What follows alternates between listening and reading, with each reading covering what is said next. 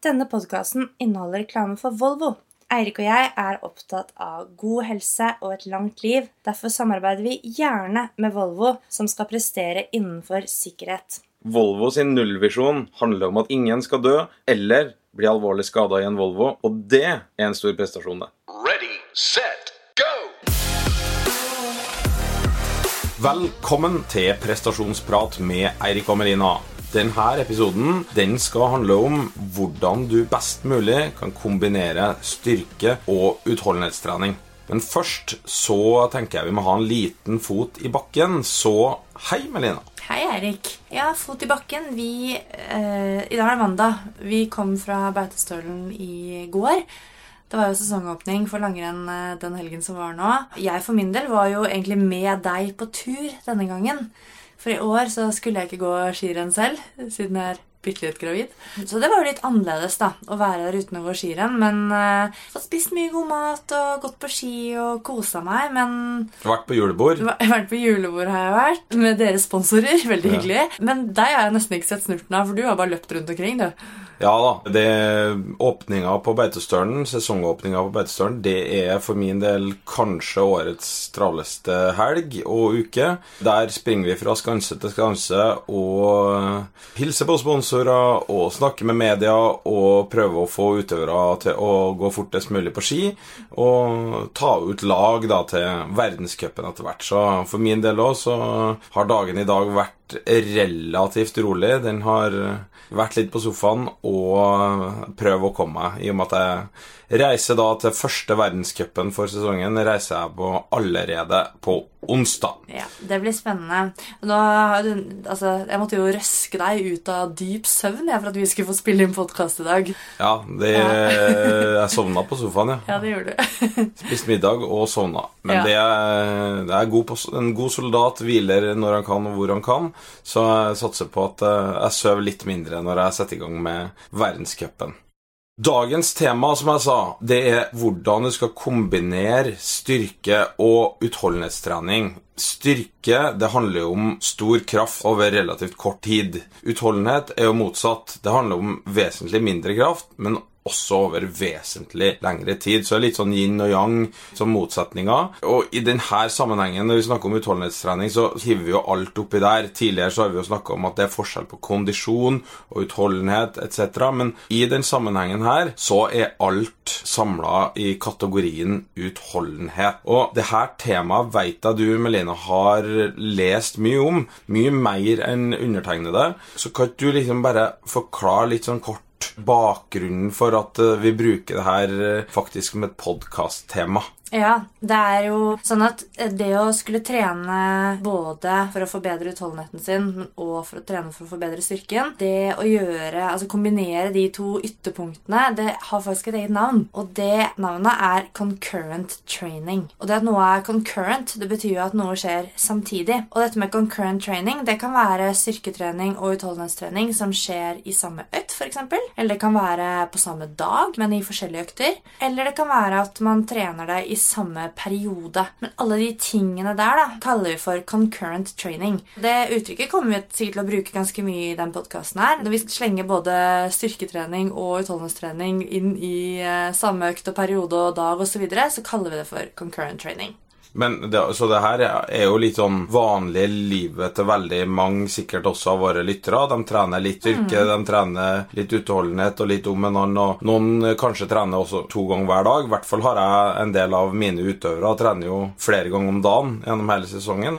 Og der det er et stort innslag selvfølgelig av utholdenhetstrening, men også en god del styrke. Ja, nå har vi begynt, fått begynt å bli litt eh, kjent med lytterne våre gjennom sosiale medier. Og vi vet jo nå at vi har lyttere som trener to ganger om dagen, og vi har lyttere som trener et par ganger i uka. Kanskje helt ned i én til to ganger i uken. Så vi har virkelig hele spekteret. Men det er jo sånn concurrent training er jo relevant egentlig for, eh, ja, for alle de gruppene der, alt, og alt imellom. Og det er jo trening som eh, Altså det å kombinere styrke- og utholdenhetstrening, det brukes jo mer eller mindre bevisst i ulike idretter, og mer eller mindre bevisst på trenings treningssenter og i, i sånn, det jeg kaller sånn daglig treningssammenheng. da. Ja, og det er sånn Historisk sett, også grunnen til at det her temaet begynte å belyses, òg, handler jo om en, en litt sånn mer dagligdags eh, aktivitet som gjør at en forsker da blir interessert i det her temaet og ønsker å fordype seg i det. da. Ja, og nettopp en sånn eh, forsker var det som eh, en gang bak i tiden følte på akkurat det her. Og det med å forske på concurrent training Altså Det er vanskelig nok å skulle forske på styrketrening separat og utholdenhetstrening separat, og hvordan det påvirker kroppen. Og Jo flere faktorer du putter i en gryte, jo vanskeligere blir det å prøve å finne ut noe om de og forske på de. Men eh, en professor fra Chicago, Illinois, eller i hvert fall der han, eh, han jobbet på universitetet i Chicago, han het Robert Hickson, og eh, han, dr. Hickson han eh, var den første til å studere concurrent training. Altså hvor, hva skjer med styrken og utholdenheten når du trener den i samme periode. Og Jeg vet ikke om dette er en sann historie, eller om det bare er en sånn vandrehistorie, men det jeg i hvert fall har hørt, da, det er jo at denne dr. Hickson han hadde en assistent som som var veldig glad i å løpe og hadde liksom sine jevnlige løpeturer på universitetscampusen. Dr. Hickson på sin side var eh, veldig spesielt interessert i styrketrening og drev med styrketrening og trening for muskelvekst selv. Men så begynte han å bli med han assistenten sin på da disse løpetreningene. Og um, det han selv følte, og merk at jeg bruker ordet 'følte' her Han følte at skjedde, og at han opplevde, det var at han fikk litt mindre styrkefremgang, eller mindre muskelvekstfremgang, da. Så han ikke klarte å øke muskelvolumet sitt like mye som ellers når han holdt på med disse løpeturene. Så da ble han nysgjerrig og satte i gang en treningsstudie med ganske få deltakere. Jeg husker ikke akkurat hvor mange, jeg tror det var sånn seks stykker eller noe. Men det han så da, var jo at eh, i starten av en treningsperiode på sånn ja, tror det var rundt en ti uker, så var det egentlig ikke så stor forskjell på hvordan styrketrening og utholdenhetstrening påvirket hverandre. Men når man bikket da ca. syv uker, så begynte det å bli forskjeller, og det så ut som at utholdenhetstreningen kanskje kunne påvirke styrkeeffekten. De mente også når de publiserte studien sin, at eh, det påvirket muskelveksten. Men da er det viktig å få med at metodene de brukte for å måle muskelvekst, som var sånn målebånd rundt låret, det er ikke sånne metoder som brukes i dag. I dag bruker man jo MR og ultralyd og måler virkelig nøyaktig. Litt uh, lite nøyaktig, kanskje. Skikkelig grovmål. Ja. Det er det. Så, men det var i hvert fall starten på det der concurrent training-eventyret, som er et ungt forskningsfelt som får stadig mer og mer oppmerksomhet både av trenere, ernæringsfysiologer I dag skal vi bare snakke om treningen. Mm. Holde oss unna ernæringen i dag. Men det er i hvert fall et veldig sånn stort, voksende interessefelt. Fysiologitimen er jo en fast spalte som vi har, der vi prøver å forklare dagens tema litt fysiologisk. Hva er det da som skjer i kroppen? For å begynne da med utholdenhetstrening, hva er det som skjer i vår muskulatur når vi trener utholdenhetstrening?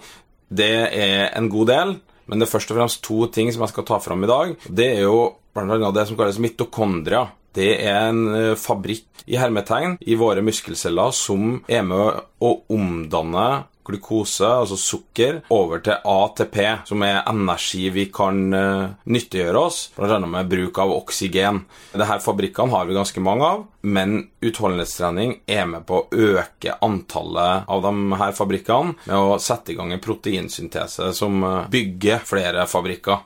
Nummer to det er noe som heter angiogenese, som er et eh, vanskelig ord, nesten så vanskelig at jeg ikke fikk til å si det, og høres veldig profesjonell ut når jeg sier det ordet. Det handler i bunn og grunn om å få flere blodårer. Altså Vi øker såkalte kapillærtettheten rundt arbeidende muskulatur. Altså den muskulaturen vi bruker når vi driver med utholdenhetstrening, den får flere kapillærer. Sånn at uh, blodstrømmen og uh, da oksygen skal lettere transporteres til muskulaturen. På den andre siden da, så har du jo ytterpunktet styrketrening. Hvis vi tenker på styrketrening og utholdenhetstrening som virkelig hver sin ende av en skala. Der foregår det også en sånn proteinsyntese. Når du trener styrketrening, så oppreguleres produksjonen av de proteinene som bidrar til at du enten får flere muskelceller, eller at du får større muskelceller. Eller kanskje begge deler. Og det som skjer da, er at når muskelcellene blir flere og eventuelt større, så får du jo også flere og større fibre, og til slutt så er det jo sånn at altså, muskelbuken i seg selv kan vokse.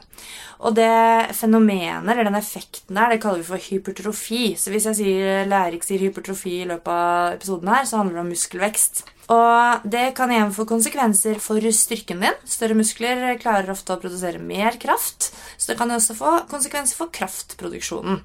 Det er også sånn at man kan bli sterkere uten at musklene nødvendigvis vokser noe særlig i det hele tatt. Det er jo sånn at når du trener styrke, spesielt tung styrketrening eller eksplosiv styrketrening, så får du også en tilpasning i nervesystemet der du blir eh, Nervesystemet sørger for at du blir bedre til å engasjere også flere av de raske muskelfibrene dine, som gjør at du vil kunne flytte deg raskere, eller at du vil kunne løfte mer vekt, f.eks., uten at muskulaturen nødvendigvis har vokst noe særlig. Det er litt sånn to veier til, eh, til økt styrke. Ja, og her er ganske sånn kompliserte veier som styrke og utholdenhet funker gjennom, altså signalveier. Så i dag så har vi vært å være ekstra nerdy. Vi har fått litt tilbakemeldinger på det òg, på folk som ønsker at vi skal være litt nerdy og gå enda lenger kanskje i vår, uh, våre forklaringer på enkelte ting. Så vi introduserer Fysiologitimen 2.0, der vi skal prøve å forklare hva det er som gjør at styrke og utholdenhet faktisk er litt forskjellig. Ja, Vi skal prøve oss på fysiologitimen 2.0. Det som er Utfordringen her er å forklare dette her uten figurer. Men jeg tror kanskje jeg kommer til å, kommer til å slenge ut et par figurer på, på Instagrammen for å liksom vise dere hvor komplekst dette egentlig er. Men vi skal ta utholdenhet og styrke hver for seg. Og gå bitte lite grann inn på signalveier.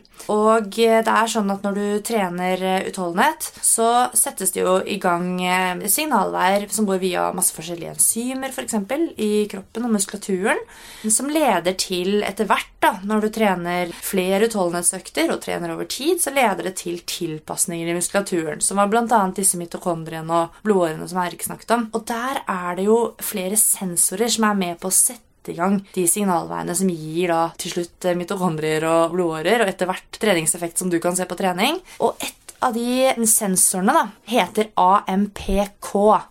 Og hvis du leser og går dypere inn i concurrent training, så vil du komme over AMPK ganske ofte.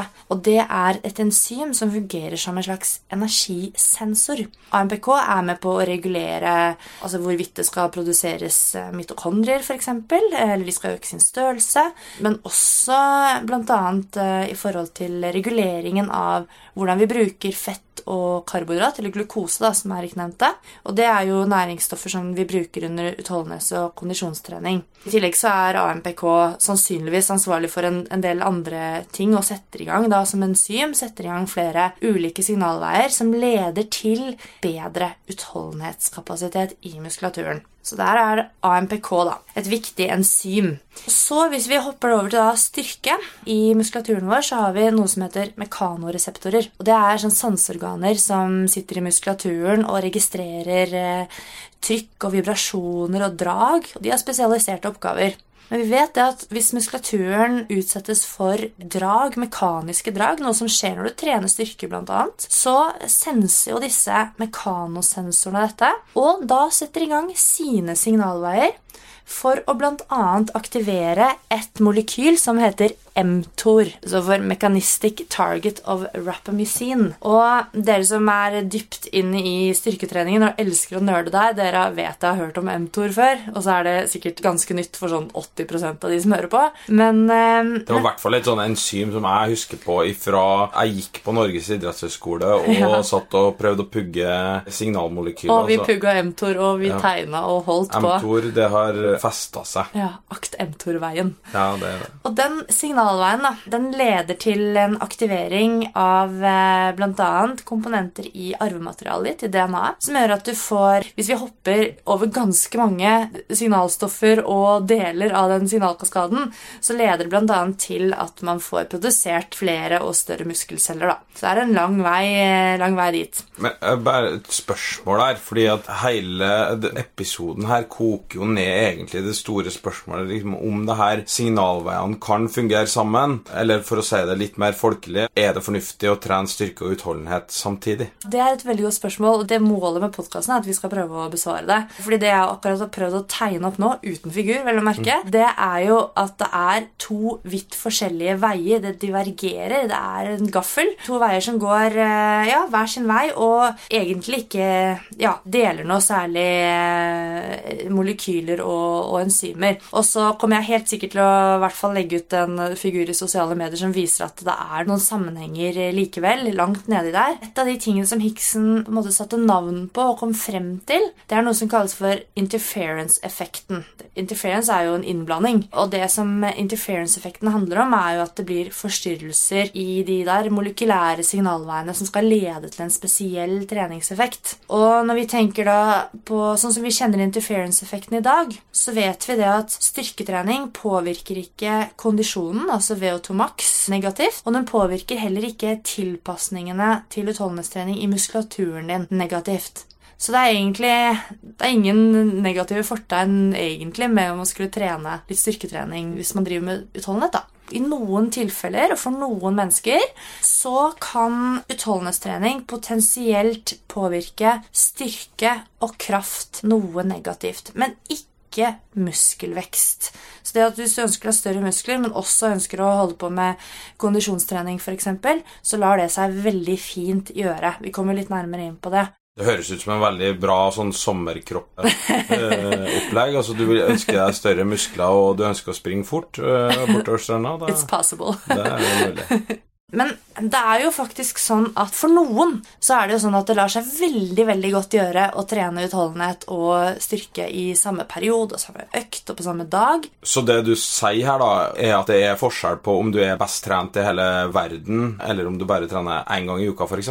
Ja, det er forskjell på folk. Og det er viktig i forhold til den interference-effekten. Fordi at hvis du er utrent til moderat trent, altså du er ikke spesialist i noe eller satser i noen ting, eller på spesielt høyt nivå, så har du en større kapasitet til å gire i gang da, det molekylære maskineriet som jeg har snakket litt om i signalveiene, og faktisk få treningseffekt både på styrke og på utholdenhet. Og få veldig gode effekter. Men hvis du er veldig godt trent, f.eks. sånn som dine eliteutøvere, eller hvis du er ordentlig godt trent spesialist i noen ting, så vil potensielt interference-effekten kunne bli større. Og det vil kanskje få større konsekvenser for prestasjonsevnen. fordi at når du er på Nå snakker jeg elitenivå, så har jo marginene mer å si.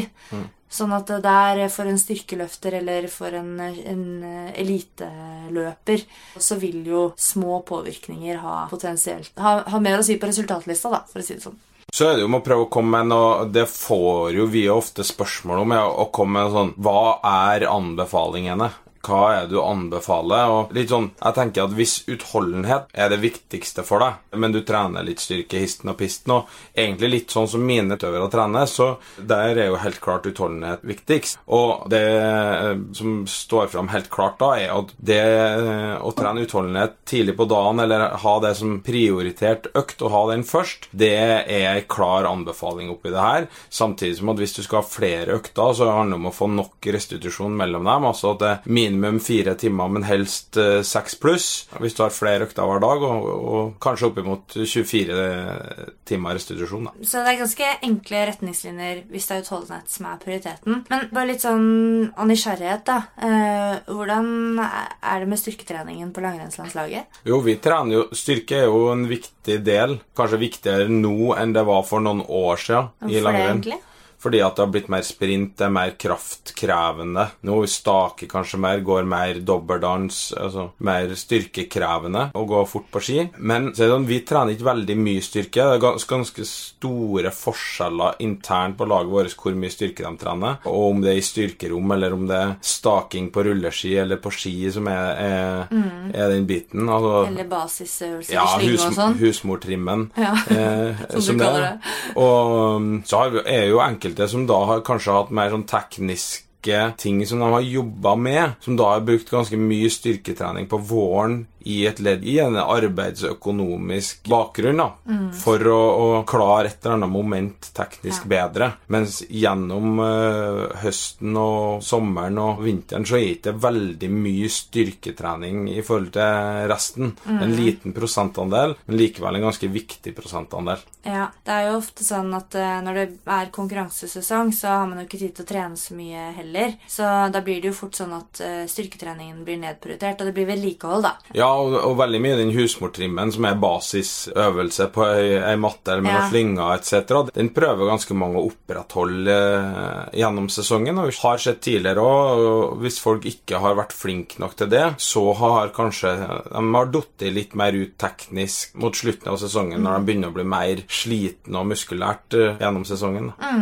Interessant. Altså, hvis, men hvis da styrke og kraft og hypertrofi eller muskelvekst er din prioritet, da, så tenkte vi at du skulle få noen ganske konkrete anbefalinger som er hentet fra forskningen eh, der, og en kombi av forskningen og beste praksis, egentlig. Og det ene er jo at eh, du bør faktisk benytte et lavt treningsvolum. Altså, du trenger ikke trene så veldig mye, men du bør trene på høy intensitet. For det man har sett, at det å trene høyintensive intervaller, f.eks. intervaller på 90% av makspuls, eller sprintintervaller, skikkelig harde, korte innsatser med lange pauser, det har gitt eh, god utholdenhetseffekt på muskulaturen.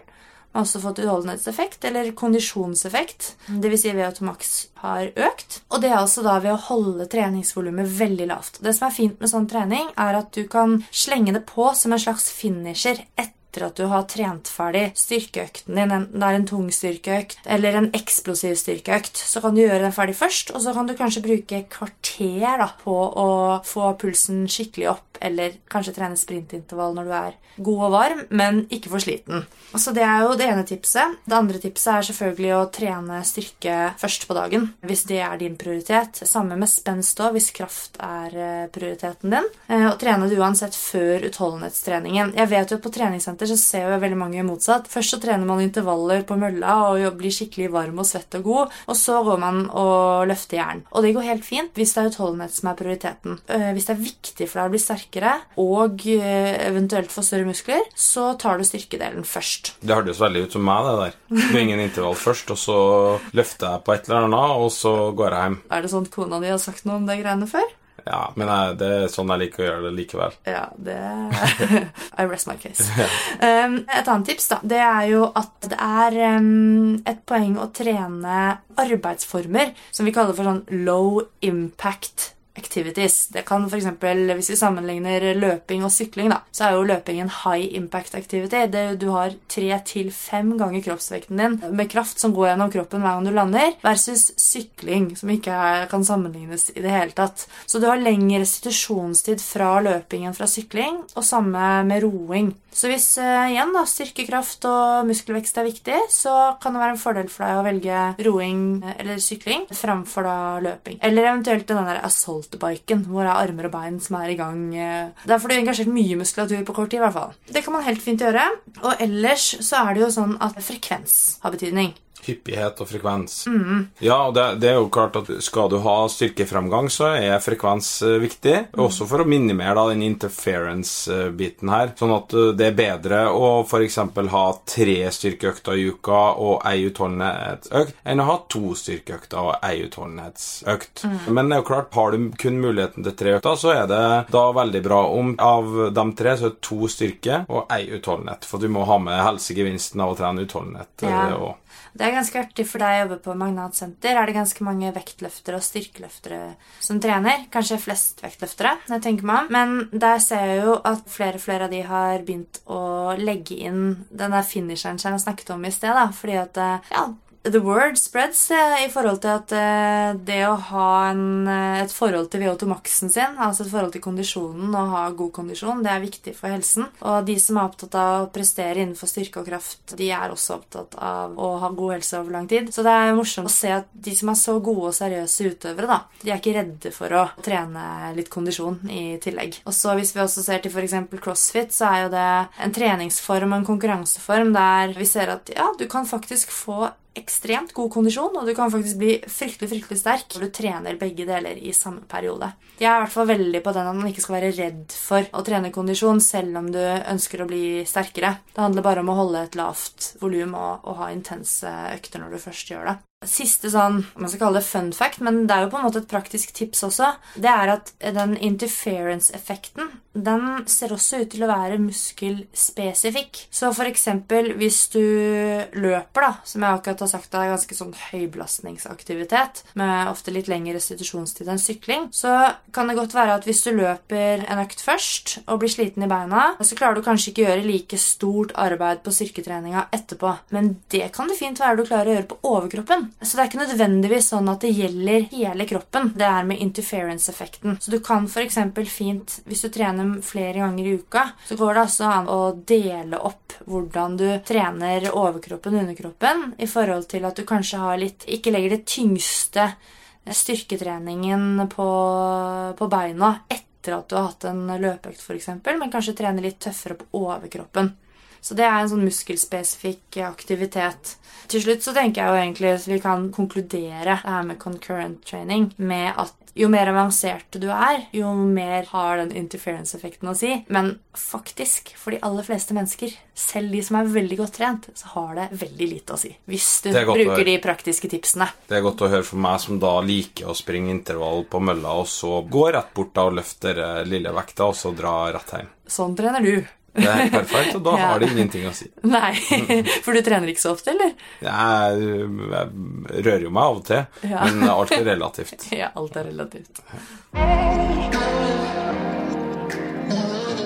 Nå er det sånn at vi har en ny spalte her i Prestasjonsprat. Det vil si det er første gang vi skal eh, ta opp eh, et lytterspørsmål. Vi har jo oppfordra til det tidligere, og at folk skal komme med spørsmål. Så det er veldig hyggelig at vi har fått veldig mye tilbakemeldinger, veldig mye spørsmål, veldig mye interessante temaer som folk har lyst til å ta opp videre. da. Vi har ikke tida til å ta opp alle, kanskje, men eh, vi har i hvert fall tatt med ett. Altså har vi ikke fått svart alle enda heller, men jeg skal si så mye som at eh, alle temaene har gått inn på temalisten vår. Det har det. Det har de. Men det spørsmålet som vi tar opp nå, da, det har jo da med utholdenhetstrening å gjøre. Og da er det en person som trener tre til fire ganger i uka, utholdenhet altså, hele året. Ca. 30 timer i måneden, og hovedfokuset er turen, og det er Birken. Birkebeinerrennet som er årets store mål. Den personen her er ganske godt trent. Han gikk Birken på 3.35. Det er ganske fort. Det er ganske fort. Det er ganske fort i den er alderen der. Og nå er det jo sånn i Birken så er det jo aldersklasser.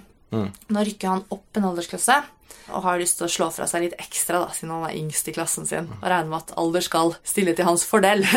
det kan sikkert gå litt begge veier. Men det som han spør om, er om vi har forslag til hvordan han med sin tilgjengelige treningstid kan fordele øktene mellom langkjøring og hardøkter for å prestere best mulig. Og da tenker jeg sånn, Rammebetingelsen er jo at vi har tre til fire økter Ja. i uka å forholde oss til. Birken er målet. Personen er ganske godt trent fra før. What to do med tre til fire økter i uka? Eirik Myrnossum, lang- langrennslandslagstrener.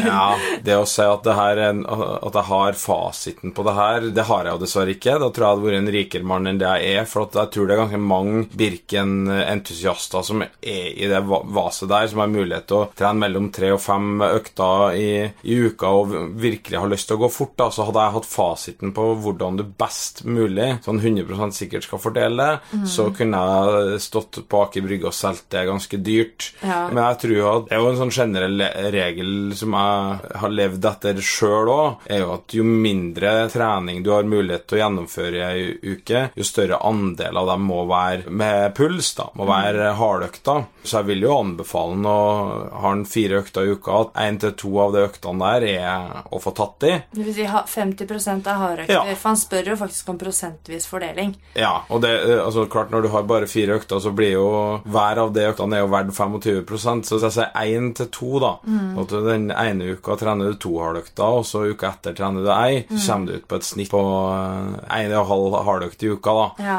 Jeg tror ikke jeg gjør så mye feil når jeg sier det. Og så innenfor det temaet vi har snakka om i dag, så tror jeg jo det er viktig å, å trene litt styrke. Overkroppsstyrke, sjøl om Birken er tøft renn, det er mye motbakker, så Vi er vet det jo om han staker eller om han Nei. går med feste, da. men uh, flest han går jo med feste. Ja. Så enkelt er det. Men det er likevel en god del staking. Og tror det vil òg ha påvirkning på hans uh, mulighet da, til å, å gjøre det bra i, i 60 pluss-klassen der. Jeg syns jo vi burde prøve å definere hva hardøkt er, for det er jo sånn uttrykk som vi som driver den, den bransjen her, slenger litt rundt oss. Vi hadde jo spørsmålsrunde på prestasjonsprat til Instagram, og da fikk vi jo faktisk inn et spørsmål om hvordan definerer vi hardøkt. Og da tenker jeg jo litt at Og jeg har jo diskutert dette med litt andre idrettsfysiologer, men at det kan være alt fra sone 3 og 4 og 5. Det handler litt om hvor lenge du arbeider på moderat intensitet, og en økt som går på sone 1, da, lav, rolig intensitet, den kan også være hard hvis du er ute skikkelig lenge. Ja da, eh, men det vi snakker om, er jo intensive økter, da. Ja, Konkurransespesifikk intensitet. Eh, hvis en må, må ha med det, da, så gjelder jo en intensitetssone fra tre og oppover. da. Ja. Nå vet ikke jeg hvor glad han er i å virkelig ta seg helt ut og, og ligge og Trenger man det? og, og, og, henge på stavene oppi etter en hard, hard intervall. Og jeg mener at det trenger du ikke så veldig ofte. En god intervall må du ikke ligge i grøfta og spy for å få godkjent det som er hard økt, men at du får pusta godt og kjent litt på at du ja, blir litt stiv mot slutten, og at du blir sliten. Såpass må det være. Må ta, ta i såpass. Og om det er ei økt som varer total varighet fra 16-20 minutter og oppover til 45 minutter, og om du deler opp det i 10 intervalldrag, om du deler opp det i 6 intervalldrag, det spiller ikke så mye rolle. Der tror jeg det handler om en variasjon, sånn at du ikke alltid er helt den samme økta, men at du klarer å variere. Om du kjører fem ganger fem en dag, og så kjører du f.eks. ti minutter en annen dag, og så kjører du enda litt kortere en, en tredje dag. Det er prinsippet om variasjon. Jeg står Ja. på side 1 i treningslæreboka, så det, det å få variert den biten der òg. Veldig bra. Da har vi egentlig svart på mer enn det han spurte om. Men bare for å oppsummere svaret på spørsmålet, så er det altså da én til to hardøkter. Og da det som står igjen da, det er jo da én til to eh, langturer. Altså rolig Ja. trening. Og styrke. Og styrke. Vi slår et slag for at du hiver inn litt styrke òg, selv om du, du sa du trente bare tolv til de, Ja. i de øktene. Da ønsker vi deg lykke til med treninga mot Birken. Det gjør vi. Og så øh, tror jeg vi ønsker meg lykke til med sesongstarten i langrenn. Verdenscupstart. Hva sa jeg? Sesongstart, ja. Jeg sa det. ja. Ja. Men det er kult, da. Ja. Ut på verdenscup. Ut i verden. Da tenker jeg at vi rapper wrapper opp eh, dagens episode. Episodene med prestasjonsprat de kommer annenhver onsdag. Så i mellomtiden så kan du sende oss spørsmål eller temaforslag til podkasten hvis du har det. Så sender du til hei at prestasjonsprat.no. Og så kan du selvfølgelig følge oss i alle sosiale mediekanaler under at prestasjonsprat. Vi høres!